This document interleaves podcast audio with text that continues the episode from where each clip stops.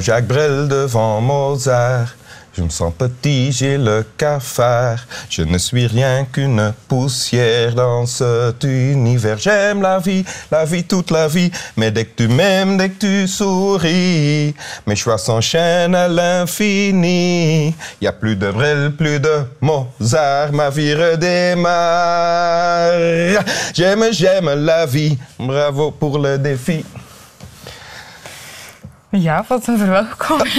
Ja, ik was nog aan het zingen, dus ik moest het uitzingen dan ook. Welkom in Winteruur. Dank je wel. Eh, Anne de Kramer. Ja. Bij Boris en mij, Anne de Kramer. Schrijfster, Ja. eh, columniste ook. Ja. Je hebt een column over taal in de morgen. Ja.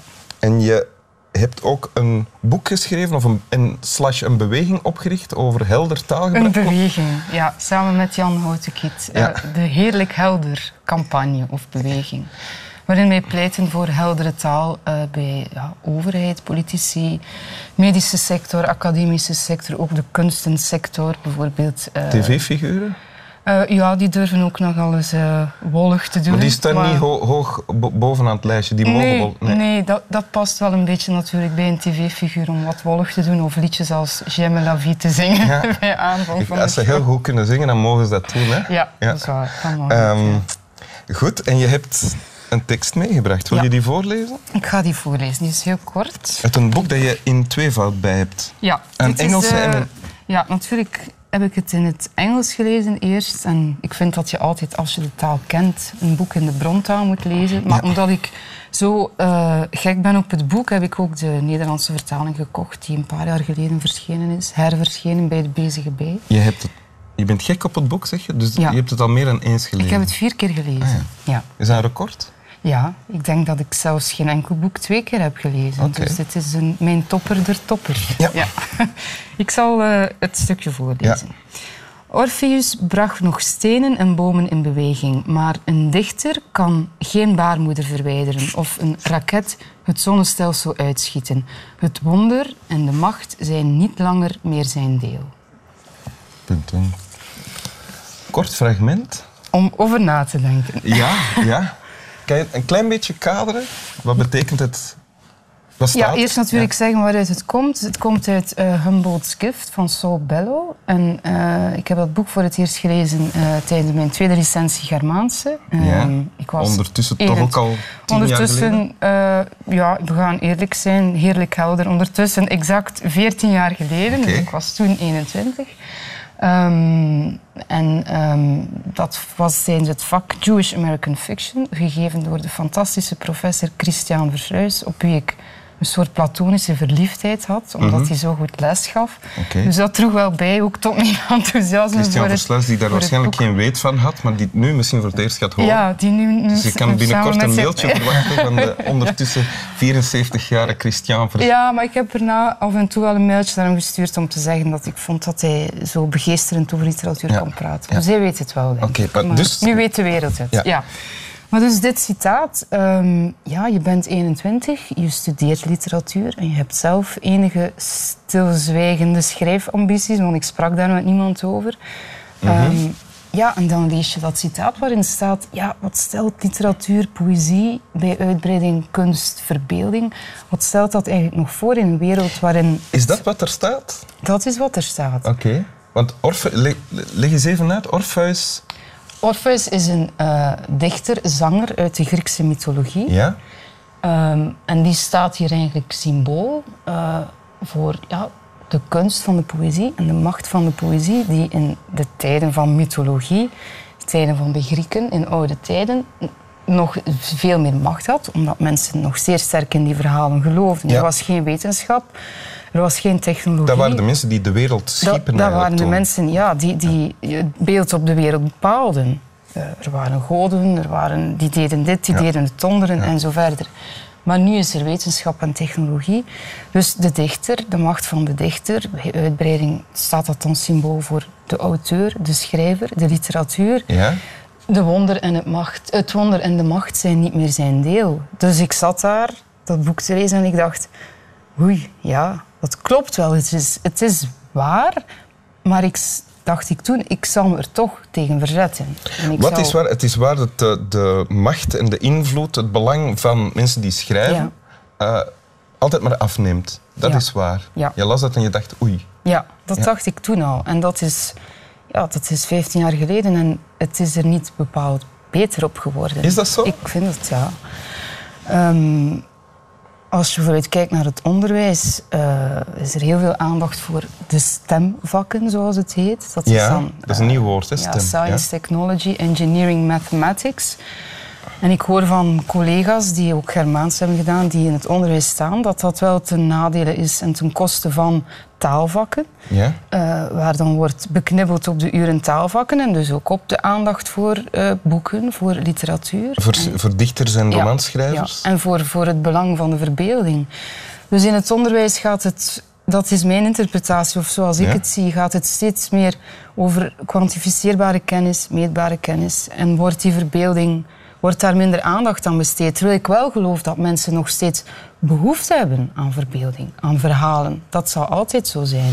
Maar misschien zijn die verhalen en die verbeelding, komen die nu op andere Ja, manieren? dat ging ik net zeggen. Eh, het, het probleem eigenlijk van de roman is, is dat er andere vertelvormen zijn gekomen die voor mensen vandaag in onze moderne tijd aantrekkelijker zijn geworden. TV-series. TV Netflix bijvoorbeeld.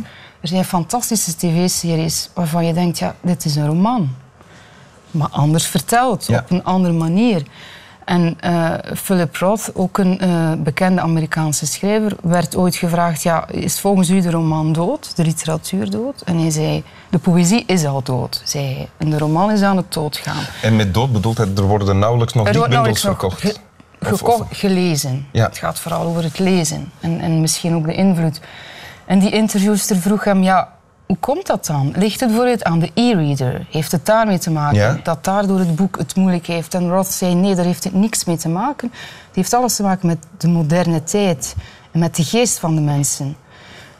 Mensen die een roman willen lezen, dat vraagt een zekere concentratie, een grote concentratie eigenlijk. Tijd en een ook. aandachtspannen om je te focussen Ja. op één onderwerp. En Roth zegt, de geest van de moderne mens met al die schermen, iPad, iPhone en zo verder, is het gewend geworden om, te, om heel vaak te switchen tussen verschillende onderwerpen en om korte, behapbare kleine stukjes informatie Dus te we lezen. komen minder en minder nog toe aan het lezen van een dik boek. Ja, dus mensen lezen meer dan ooit. Dat is zo. Mensen zijn in de trein, daarnet zat ik in de trein naar hier, iedereen is constant aan het lezen. Maar vroeger zag ik veel meer mensen in de trein romans lezen. Ja. Want dat had je niet, een iPad, waar je ook heel veel dingen kon lezen en van het ene naar het andere. Dus daar zit volgens mij, ja... En als het belangrijke waar is, wat je nu Ja. allemaal zegt, is dat dan erg? Enerzijds kan je heel nuchter zeggen, het is niet erg, want tijden veranderen. Ja, alles verandert. Alles verandert, tijd, ja. want de roman is iets, eh, was, een, was een genre dat eigenlijk als het ware uitgevonden is in Parijse salons om daar dames te vermaken. Eh, Is dat zo? Ja, is dat daarom ja, daar-? Ah, ja, ter, ter, ter tijdverdrijving van de rijkere Parijse dames. Ja. Ja, we zijn zoveel Dus het was eigenlijk verder. een, een wuft, eh, luxe ja, ding. Ja, Ja. ja. We zijn zoveel eeuwen verder en die behoefte aan verhalen is er nog steeds. Eh, maar de mens is veranderd, de tijden zijn veranderd. Dat is een nuchtere analyse. Meer emotioneel vind ik het wel jammer. Omdat ik, ja, ik hou van boeken, van, van, van het papieren boek, van het kunnen vasthouden, van... van ja, het is iets anders ook- natuurlijk dan een voor jezelf, televisieserie. want je En- bent zelf ook ja, schrijver. natuurlijk. Maar ik, ja, daarom ook. Maar ik, ik hou er ook van als lezer en als schrijver. Omdat wat, wat een televisieserie dan mist, is net dat aspect verbeelding. Wat ook in dat citaat zit, dat, dat verbeelding niet meer zo belangrijk is. Op tv wordt alles uitgelegd, je ziet alles. Je hebt je fantasie niet nodig als je een personage Ja. ziet. Terwijl in dit boek, ik weet niet hoe Humboldt eruit ziet. Of als ik zelf een boek schrijf, ik kan zelf bepalen... Humboldt is eh, een, een centrale figuur. is zo. centrale Ja, figuur, ja. is een dichter. Ja. En als ik zelf een boek schrijf, als je een personage schept, ja, dan heb je alle vrijheid om te spelen met de lezer en zijn ver- de verbeelding van die lezer aan het werk te laten dat is wel waar. Als je met woorden een beeld schept, dan vult iedereen dat beeld op zijn eigen manier Ja, in, waardoor ja. het eigenlijk veel langer eh, blijft bestaan. Ja, ja. En het is minder dwingend, het is vrijer. Ja. Televisie heeft iets, televisiefilm heeft natuurlijk iets, iets dwingender. Het wordt je gevoerd, als het ware. En valt het tij nog te keren? Ik vrees van niet, maar ik denk dat het wel... Ik, ik wil het Of zijn, wel... wij, zijn wij dan de muzikanten op de Titanic die blijven spelen terwijl de boot aan het zinken is? Maar dat moeten we vooral doen. Het is niet omdat ik vrees, zoals Philip Roth, dat, dat de tij binnen 100 jaar zal gekeerd zijn. En dat zeer weinig mensen nog romans zullen lezen. Een kleine groep, die zal blijven bestaan, maar een kleine groep. Maar dat betekent niet, terwijl wij nog levend en wel en gezond zijn, dat we niet kunnen proberen om mensen te overtuigen van, van waarom lezen blij maakt. En, en waarom een programma als dit uh, zeer fijn is dat het bestaat. En initiatieven om, om mensen aan het lezen te brengen. Ik doe het met mijn eigen moeder, die jaren geleden nooit boeken las. En die nu weer heel veel leest, omdat ik zeg... Lees dit Daar ben jij begonnen, ja. bij je moeder. En nu bij mijn nichtje van negen. Okay. Lees Roald Dahl. Okay. En dat doet ze. En dat is verbeter de wereld, begin bij jezelf. Oké. Okay. Wil je het stuk nog één keer voorlezen, ja. het uh, fragment? Ja. Orpheus bracht nog stenen en bomen in beweging, maar een dichter kan geen baarmoeder verwijderen of een raket het zonnestelsel uitschieten. Het wonder en de macht zijn niet meer zijn deel. Dank u. Graag gedaan. Snap wel.